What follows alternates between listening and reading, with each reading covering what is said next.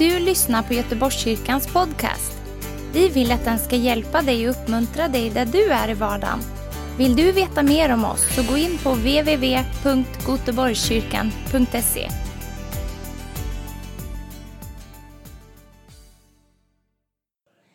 Tack så mycket. Vad härligt att vara här. Det är alltid roligt att predika och det är alltid lika pirrigt.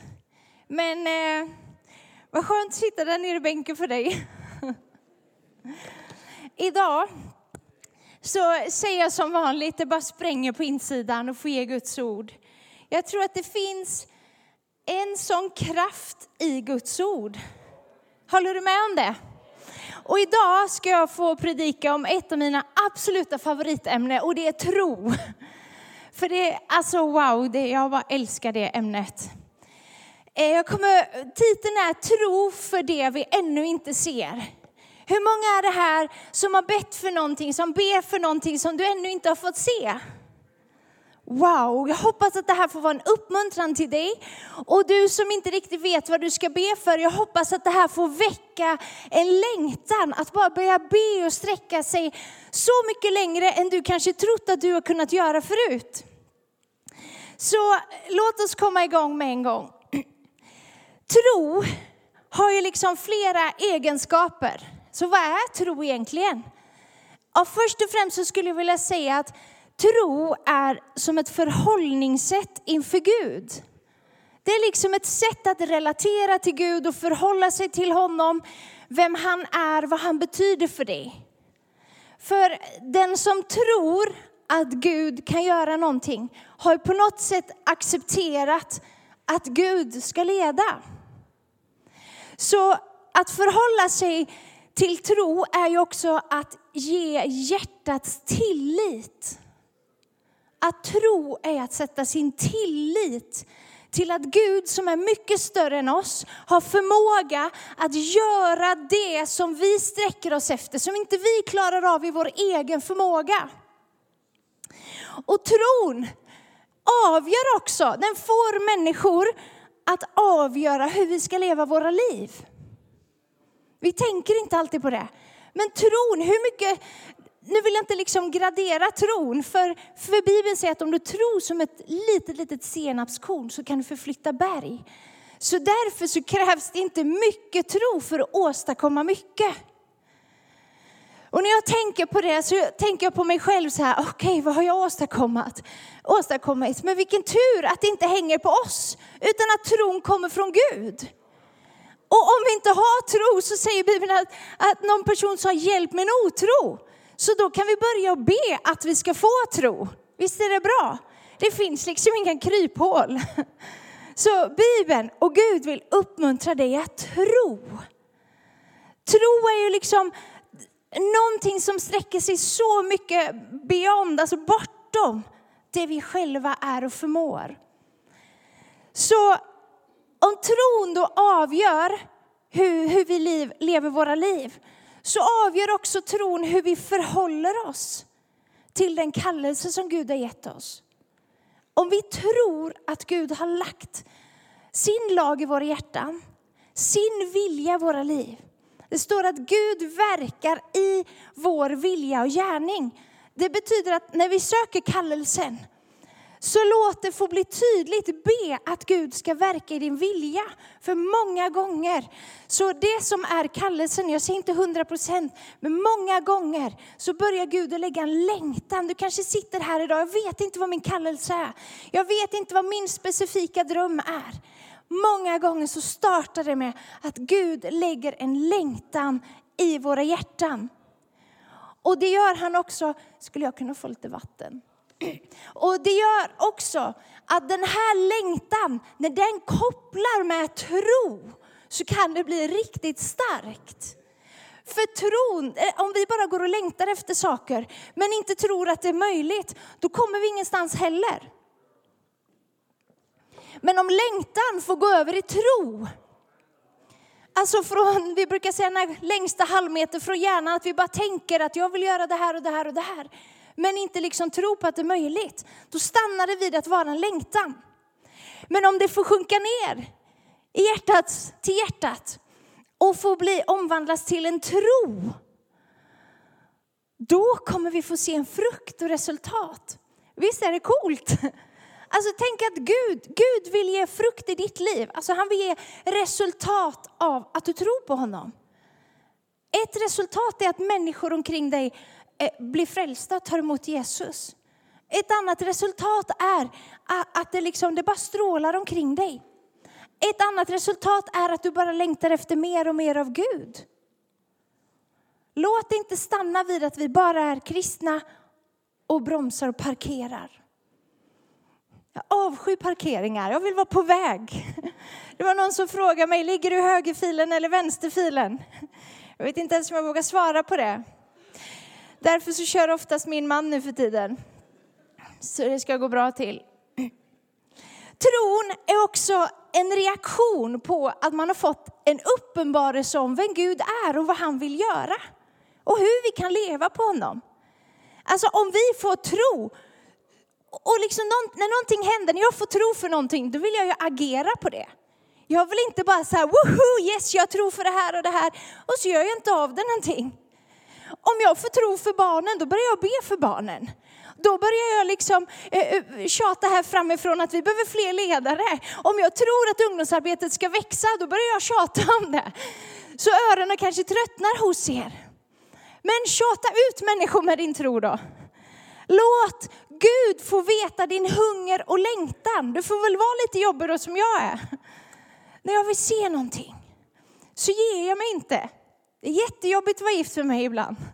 Ofta kanske, jag hoppas det är bra för det mesta. Det är välsignat säger han, tack så mycket. Han är partisk.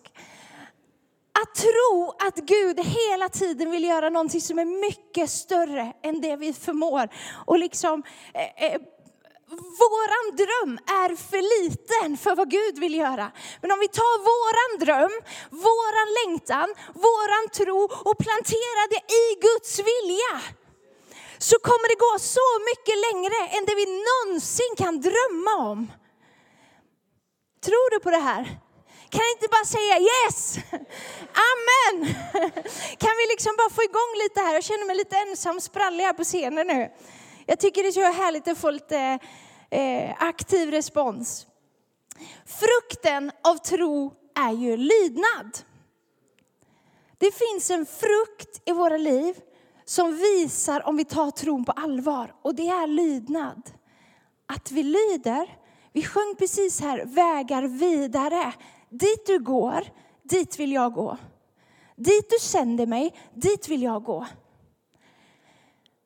Och, och, det är väldigt, väldigt starkt. Ibland så känner jag, ni vet ni som känner mig, vet att jag, jag älskar att göra grejer. Jag älskar och starta nya grejer. Min man är fantastisk på att avsluta mina projekt. Jag tror att det var därför Gud fixade ihop oss. Jag startar grejer och han avslutar dem. Och det brukar bli bäst när han avslutar dem också. För jag drar igång ett virvar. Nu tycker jag att vi ska måla om hemma. Nu tycker jag att vi ska göra det här och det här. Och då är det fantastiskt att ha en partner som avslutar saker och knyter ihop säcken. Så om Gud vill att du ska starta saker. Jag menar inte bara att du ska starta projekt överallt nu så att vi får ett kaos i församlingen. Men ja, hellre ett kaos och vi gör någonting. Än att vi bara sitter och ber och väntar. För det är så otroligt mycket lättare att styra en bil som rullar än en som står still. Hur ska vi liksom kunna sitta på parkeringen och svänga om bilen står still? Eller hur? Hur ska en segelbåt kunna svänga ur hamnen om den inte har lite fart? Alltså, är ni med? Håller ni med om det här? Är jag jobbig eller? Okej, okay, tack. Tro avgör din och min evighet. Tro är det som avgör vad vi ska tillbringa evigheten. Romarbrevet säger att om du med din mun bekänner och ditt hjärta tror att Jesus är Herre, så blir du frälst. Så får du bli vän med Gud och lära känna honom, ta emot honom med ditt hjärta och få vandra i tro. För det är så otroligt mycket mer spännande att gå i tro än att bara veta allt som kommer hända. Fy vilket tråkigt liv. Så kanske man inte får säga här uppe. Men jag vandrar hellre i tro. och bara se fram emot äventyret som ligger framför. Alltså det kan ju inte finnas något mer spännande än att vara kristen. Eller hur? Fy vad tråkigt att inte vara kristen. Alltså jag vet ju, jag vet liksom hur det slutar, men jag vet inte hela sträckan dit. Och det är det som gör mig så galet nyfiken på vad det är Gud vill göra. Genom mig, genom dig, genom sin församling, i den här nationen, i hela världen. För när Guds folk kommer samman och ber, som vi gör nu i bön och fastan, så kan mirakler ske. Det vi ber om, det, vi, det får vi. Det vi söker, det ska vi få se. När vi bultar och inte ger oss, så ska vi få se dörrar öppna. Jag tror att vi alla här kan vittna om bönesvar, hur Gud har öppnat dörrar in i olika situationer. Jag ska dela eh, eh, en, eh, ett vittnesbörd sen hur Gud har sträckt sig in i vår familj. Tro kommer av predikan. Kanske kan få upp den här. Tro kommer av predikan och predikan av Kristi ord. För predikan är ju att tala Guds ord, det jag gör nu. Så jag hör människor säga, det går jättebra att vara kristen hemma. Det går jättebra att vara kristen och inte gå till någon församling. Ja, du kanske klarar det en tid. Men Paulus säger, försumma inte era sammankomster. För vad är det som händer när vi kommer samman? När du gick in här idag, blev du glad? Alltså när man hör det bubblar och så ser man de här ynglingarna på scenen. Man bara wow, wow, vilken ljus framtid församlingen har. Wow, alltså när de här tonåringarna plockar upp sina instrument, man har redan börjat. Alltså wow, vad mycket som ligger framför i den här församlingen. Kan du se det? Du kanske inte ser allting nu, men om du lyfter blicken så säger Gud att skörden har redan vitnat. Var är arbetarna?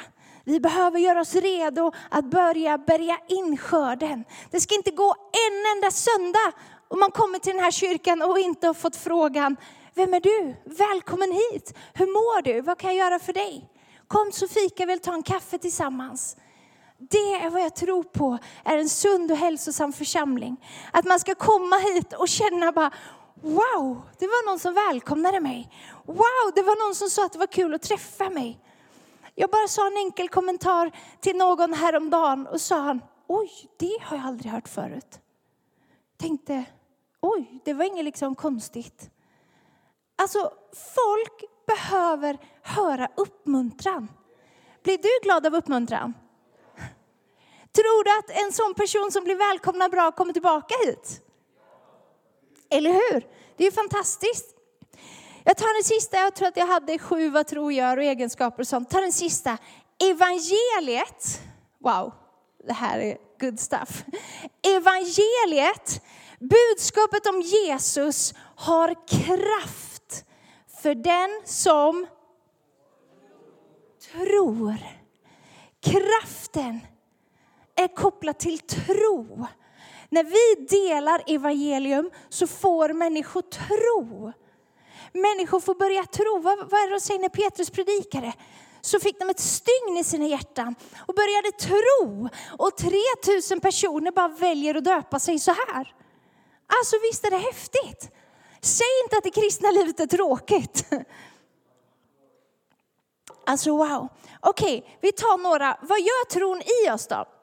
Nu har vi pratat lite om vad tron är och vilken frukt den får. Men tron gör att ordet blir verksamt i oss. För om din tro är stark, alltså det är omöjligt att tro utan att göra någonting. För om du bara börjar tro så bara måste du göra det här. Om du börjar tro och blir fylld av Gud så säger eh, första Thessalonikerbrevet 2 och 13, ordet är verksamt för den som tror, eller i den som tror. Alltså wow, ordet här. Hur många bokstäver är det? Hur många ord är det? Hur mycket står det här i som Gud vill göra med människor och ge till människor? Och så sitter vi och gnäller att det händer inget, när jag vet inte, det, jag behöver det här. Hur kan vi gnälla när den här är full av löften om vad Gud vill göra när vi tror. Alltså wow! Ibland behöver vi få lite perspektiv. Jag måste påminna mig själv. Maria, sluta gnäll nu. Läs Bibeln och se vad det är Gud vill göra i den här situationen istället för att gnälla. För visst har vi en tendens att bli lite gnälliga ibland. Eller är det bara jag? Det var bara jag. Tron bevaras och hålls levande när vi till exempel lyssnar på predikan. Får du tro av det här idag? Känner du att någonting väcks på insidan? För det är mitt mål idag. Att Gud ska väcka upp någonting på din insida. Inte för att jag ska riva av en bra och cool predikan. Jag vill att Gud ska göra någonting, annars blir orden faller bara platt ner och dör. Jag vill att orden ska få vara verksamma och att du ska få höra vad den helige Ande säger i ditt hjärta. Den helige Ande dömer inte. Du kanske börjar tänka så här, åh, jag har inte gjort det och det. Anklagelser kommer från djävulen. Han är anklagaren. Så om du känner att det börjar komma anklagelser eller tankar vad du har gjort och inte gjort eller inte lyckats med, så är det inte från Gud. För att Gud ger frid och han vill ge tro in i olika omöjliga situationer för människor. Det finns inget som är så bra att inte Gud kan göra det. Det är fantastiskt, vilket löfte. Skulle min arm vara för kort för att frälsa någon, säger Guds ord. När vi tappar hoppet på att människor ska få sitt genombrott. Om jag kan, säger Jesus. Klart jag kan. Alltså det finns så mycket starka löften. Grunden för att få en stark tro är ju också att vara i en miljö där tron har utrymme. För om vi bara går söndag efter söndag men inte tror på det vi predikar och inte gör det vi predikar, då blir det ju bara döda ord som faller ner, en skrällande symbol. Men om tron får utrymme i gudstjänster, husgrupper, relationer och så vidare, så växer ju tron. Och man får en längtan att gå dit. Det är en av största fällorna med lov, det är att om man inte fortsätter hålla tron vid liv, så avtrubbas längtan att vilja gå tillbaka till husgrupp, att vilja gå tillbaka till kyrkan och åh, vad fienden, djävulen, glädjer sig. För det är exakt det han vill. Att känslan ska börja avtrubbas. Nej, jag orkar inte. Ah, jag vet inte om någon kommer prata med mig idag. Ah, jag vet inte. Och så vill han hålla dig tillbaka från att komma till en plats där Guds kraft bor och är. Såklart att man kan möta Gud hemma, men det är mycket, mycket svårare att bara ha en privat tro hemma. Det är därför Paulus också säger, överge inte era sammankomster. För när man kommer samman så uppmuntrar man varandra. Man ger också andra människor utrymme att flöda i sin gåva. Om någon har gåvan att uppmuntra, om någon har gåvan att profetera, vem ska göra det om du sitter hemma? Pastorn kommer inte alltid komma och knacka på dörren och lovsångsteamet, Wada, vi är här. Välj vilken profetia du vill ha idag. Så funkar det inte. När vi kommer samman så har alla någonting att ge. Och att ge handlar inte om att ge på plattformen. Det är en del. Att ge är att fånga upp någon efter fikat. Kom, ska vi snacka lite? Kom, jag bara fick en tanke.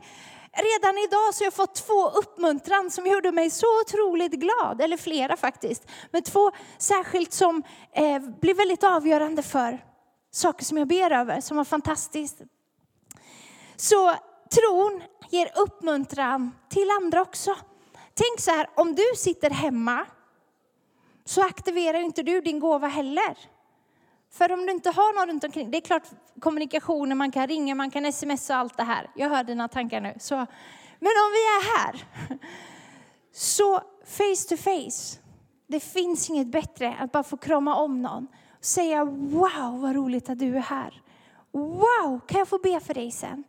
Man kan göra det över telefonen och allt det här också. Men det är inte samma sak. Håller ni med mig? Du kan inte liksom känna atmosfären när man går in här, känner smörjelsen och kraften som bara bubblar i lokalen för att det är så många som har samlats här med tro. Alltså det är fantastiskt. Tron gör, håll i dig nu, att vi inte blir avundsjuka. Oh, var kom den ifrån? Jag bara upplevde att jag skulle ta med den. För att, jag ska dela en sak sen, men tron gör att vi sätter vårt fokus på att söka Gud själva. För ibland vill det här missmodet ta över och vi ser på vad andra har. Ja, men det är ingen som ber för mig. Men kom fram till förbön, kom fram och säg jag behöver bön. Nej men jag vågar inte. Det är lite svårt att läsa dina tankar. Men kom så ska vi krama om dig och be för dig och samtala med dig. Men om du går hem i bitterhet, ni vet den här bilden av surdegen. Om det kommer in en liten, liten surdeg. Om du går härifrån besviken och känner det var ingen som sa hej till dig. Då har vi misslyckats. Men om du har försökt att säga hej till någon annan också, då blir det dubbelt så bra. För ibland så vill man lägga över så mycket på alla andra. Och så är det någon liten grej som gör att vi blir besvikna och så går vi härifrån och lägger skuld på andra. Fast egentligen handlar det om någon slags avundsjuka. Åh, de har det så bra. Åh, de står och pratar så länge. Men våga bjuda till. Säg till någon, kom till oss pastorer, det är alltid ett safeguard, så ska vi hjälpa dig att hitta någon att fika med och samtala med. För ibland är det svårt. Man kan vara en blyg person som känner att jag vågar inte bara flyga på någon. Men kom till oss. Jag menar på riktigt, för man kan komma med så starka känslor att man känner sig helt bortkommen i en hel liksom, folksamling. Men kom så vill vi hjälpa dig att hitta någon som bara vill ta tid med dig och det är det kyrka är till för. Och i det samtalet så kan tron på församling och vad Gud vill göra i ditt liv bara växa. Det är därför det är så viktigt att komma. Tro också är en plats i hjärtat som inte kan rubbas utan den ger en stark förhoppning om det vi inte ser. Det som jag sa innan. Första Thessalonikerbrevet 24, 5 och 24 så står det trofast är han som kallar er han ska också utföra sitt verk. Gud är trofast. Om det är han som kallar så kommer han utföra sitt verk. Så jag ska gå vidare. Jag har tänkt väldigt mycket på också att så länge vi har tro så ger det också en uthållighet att inte ge upp. Jag tror att vi alla har brottats med olika känslor av att kanske vilja ge upp och kanske vilja avsluta saker eller nej, jag fixar inte det här. Nej, nu är det tufft igen. Men tron ger oss liksom så en extra boost. Hur många kommer ihåg för kanske var det 80-90-talet så till bilarna kunde man installera en sån här booster. Är det någon som vet vad jag pratar om? Ja, det var så här extra grej. Dick, du vet garanterat vad det är. Man kunde installera, lägga en grej i handskfacket så att ljudet i bilen fick extra kräm. Det gjorde mina brorsor. Extra, nu pratar jag inte om så här massa raggarhögtalare i bakluckan och sånt, utan man kunde lägga in en booster. Och den bara fick så mycket liv och energi i musiken.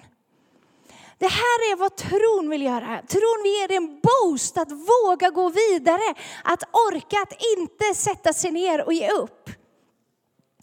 Elia, han har precis vunnit den här kampen över 450 Balsprofeter.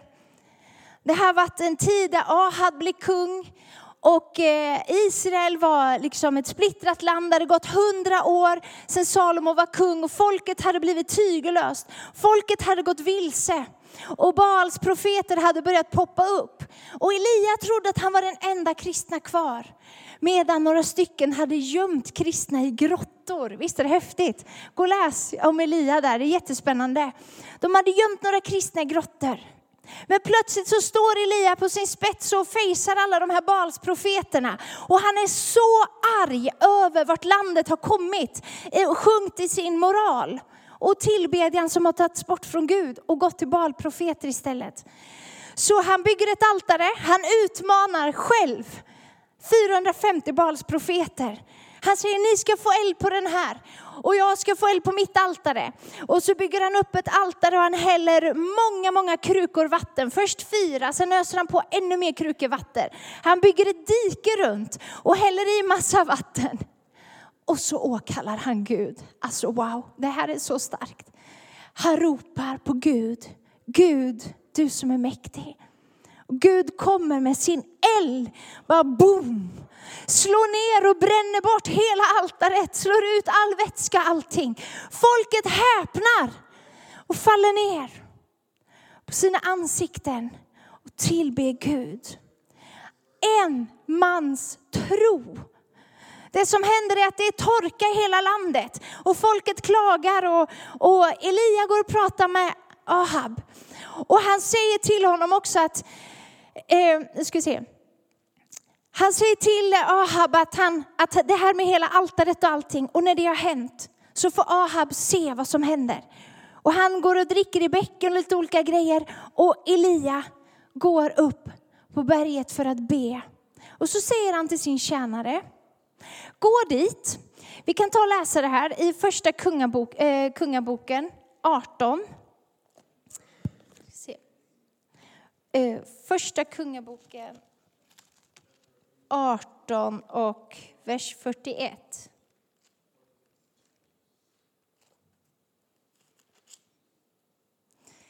Det är så otroligt spännande det här.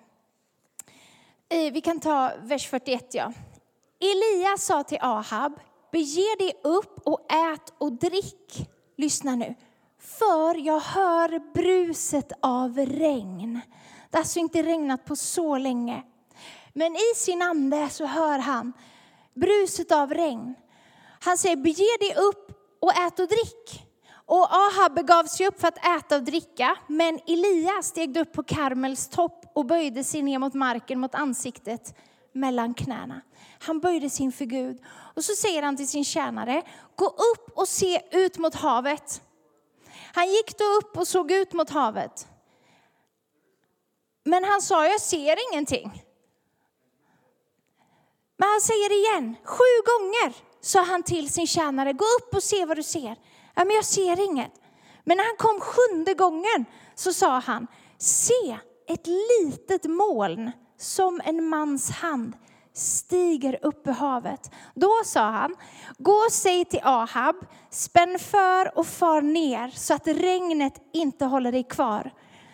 I ett i ett nu så blev himlen mörk av moln och storm och en kraft, ett kraftigt regn föll. Och Ahab steg upp i sin vagn och for till eh, Israel.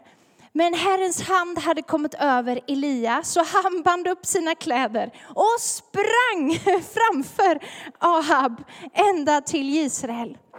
Alltså visst är det häftigt? Han profeterar ut att regnet ska komma. En mans tro. Men grejen är att han skickar iväg honom först en gång. Han säger, jag ser inget. Men han skickar iväg honom och säger, spring igen. Och den här tjänaren, han bara lyder order. Gör det igen. Han springer igen. Tredje, fjärde, femte. Sjätte gången, jag kan tänka mig liksom när han kommer tillbaka för sjätte gången och säger jag ser ingenting. Alltså hur länge ska vi hålla på? Elias säger bara, gör det igen. Hur många gånger är det inte som vi tycker att vi har bett och bett och bett för att få se ett bönesvar? Men tron ger oss uthållighet att gå vidare ända tills regnet kommer. Tills du får se ditt mirakel, tills du får se vad Gud vill göra i ditt liv. Tron i oss ser saker som inte finns som om det redan fanns. Elia såg regnet framför sig.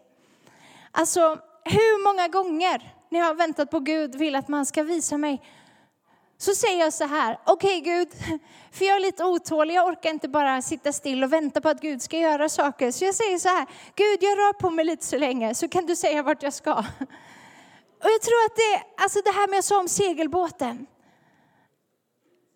det var som någon sa, det är lättare att, att liksom styra en häst som går än att piska igång en död häst.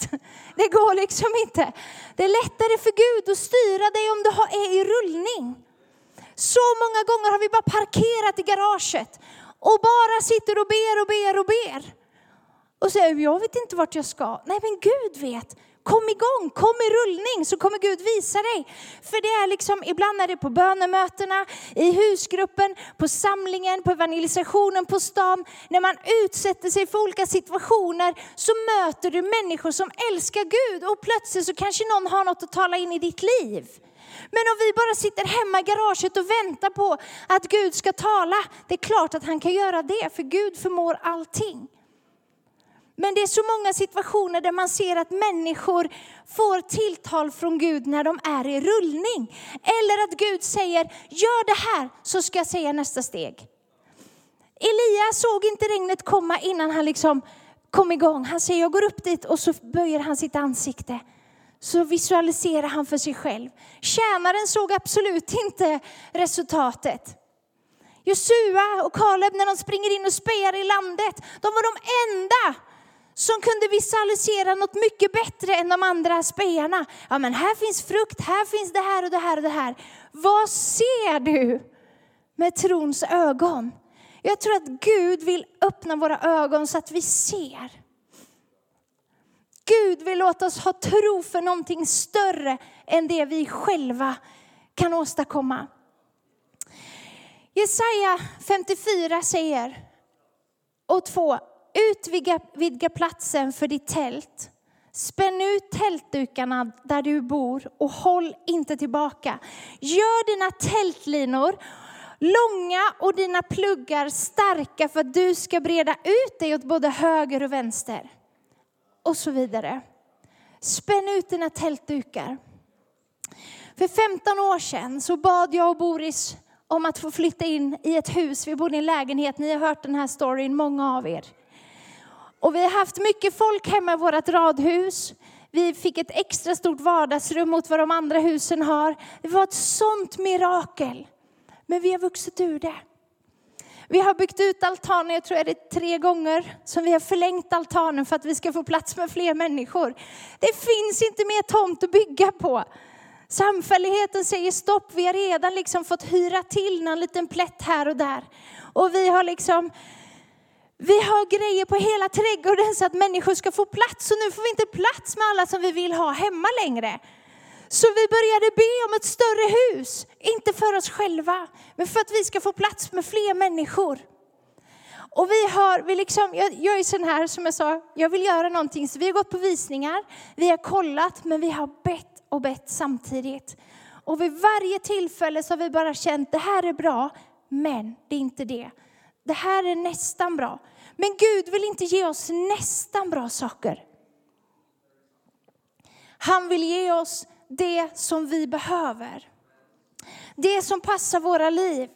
Så för några veckor sedan i höstas så ser jag ett hus komma ut på Hemnet eller på kommande.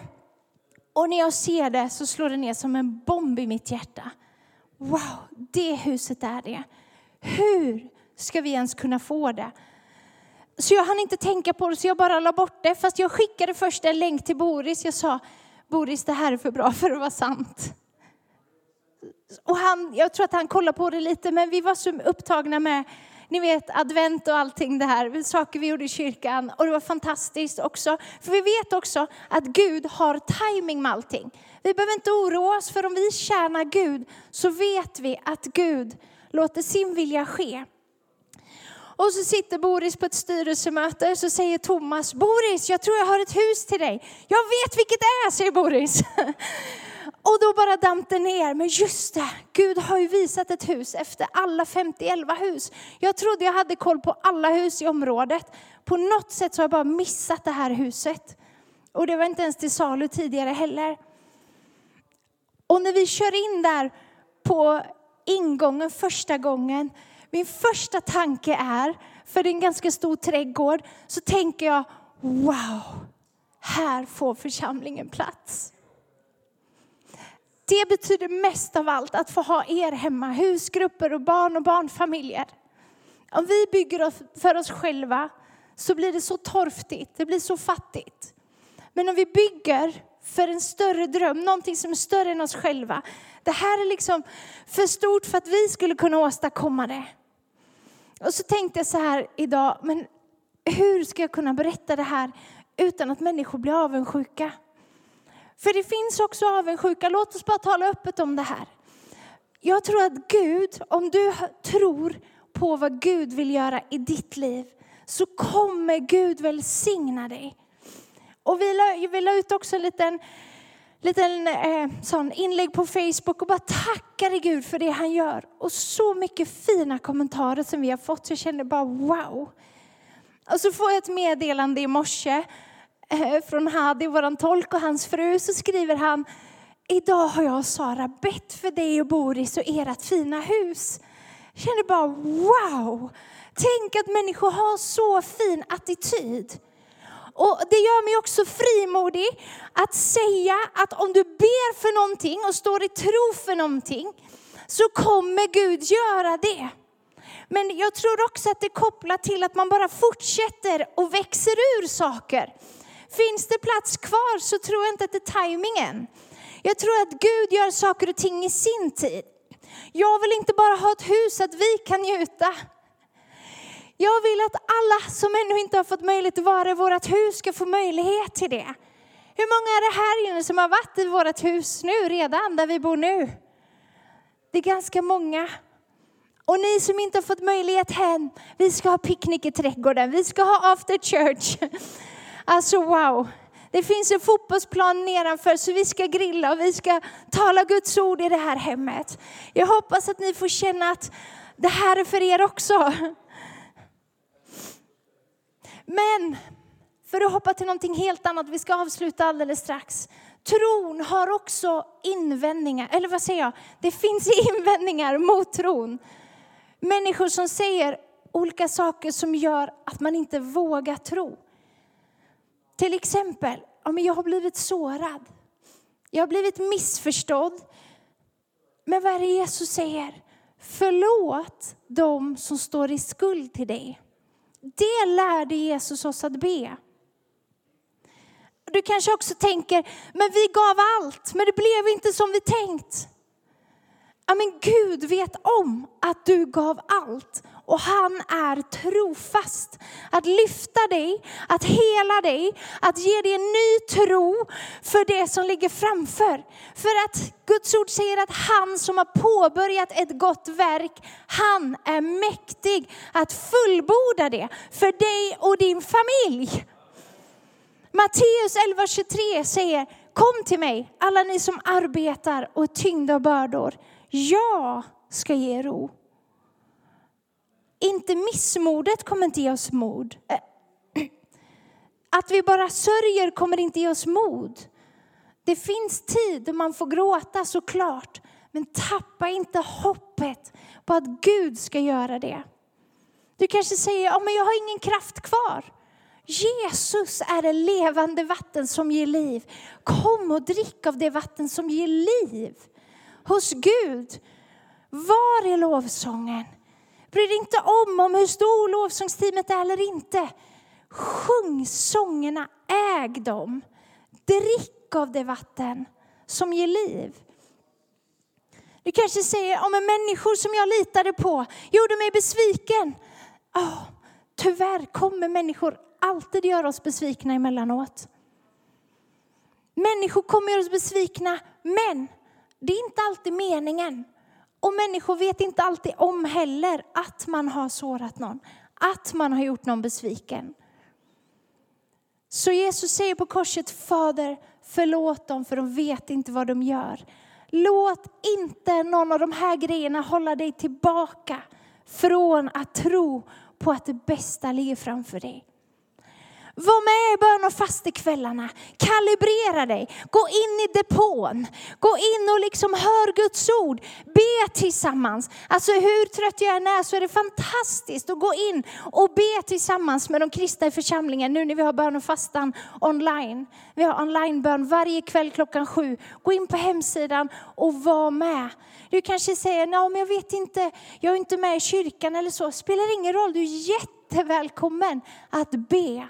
För vi kan be tillsammans för ett enda syfte, att Guds namn ska bli förhärligat. Och att hans rike ska utbreda sig. Var en person som människor kan räkna med. Våga vara den som människor kan räkna med. Är du på en transportsträcka så låt ändå människor få räkna med dig, för du behövs och du behöver människor. Vi är olika säsonger, olika eh, mycket energi och så vidare. Men oavsett vilken fas så behöver vi relationer. Jag ska avsluta med lovsångsteamet, ni kan få komma upp.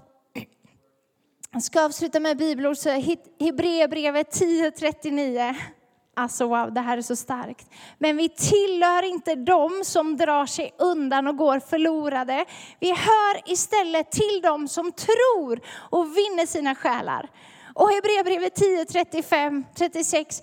Kasta inte bort er frimodighet som ger stor lön. Ni behöver uthållighet för att göra Guds vilja och få vad han har lovat. Guds löfte gäller dig. Tro som sträcker sig bortom det du själv har förmågan att visualisera. Ska vi stå upp tillsammans? Du kanske har hört den här predikan och känner att det finns saker som står i vägen för att du ska våga gå. Ta den här tiden, ta den här låten. Vi ska liksom riva loss lite nu. För jag tror att tron behöver aktiveras i människor. Tron behöver liksom vakna till. Vi kanske behöver dra på startmotorn lite. Vi ska sjunga allt är möjligt. Allt är möjligt. Så när vi sjunger den här så kanske det finns saker och ting som du bara ska få ny tro för. Tack Jesus, du som vill vara med och lyfta dina händer och sträck dig mot Gud. Herre, vi bara ber att du ska föröka tron i våra liv, Herre. Ge oss styrka, tro och gå där ingen annan har gått, Herre. Ge oss tro att våga ta nästa steg fast vi är rädda, Herre. Ge oss tro att göra det vi inte har, har sett vara möjligt, Herre. Det vi inte förstår, Herre. Ge oss tro att se så mycket längre, Herre, än det vi någonsin kunnat drömma om, Herre. När det gäller att människor ska komma till kyrkan, när det gäller att människor ska komma till tro. Människor du ber för på någon annan plats, Herre. Halleluja Fader, tackar dig Jesus. Amen.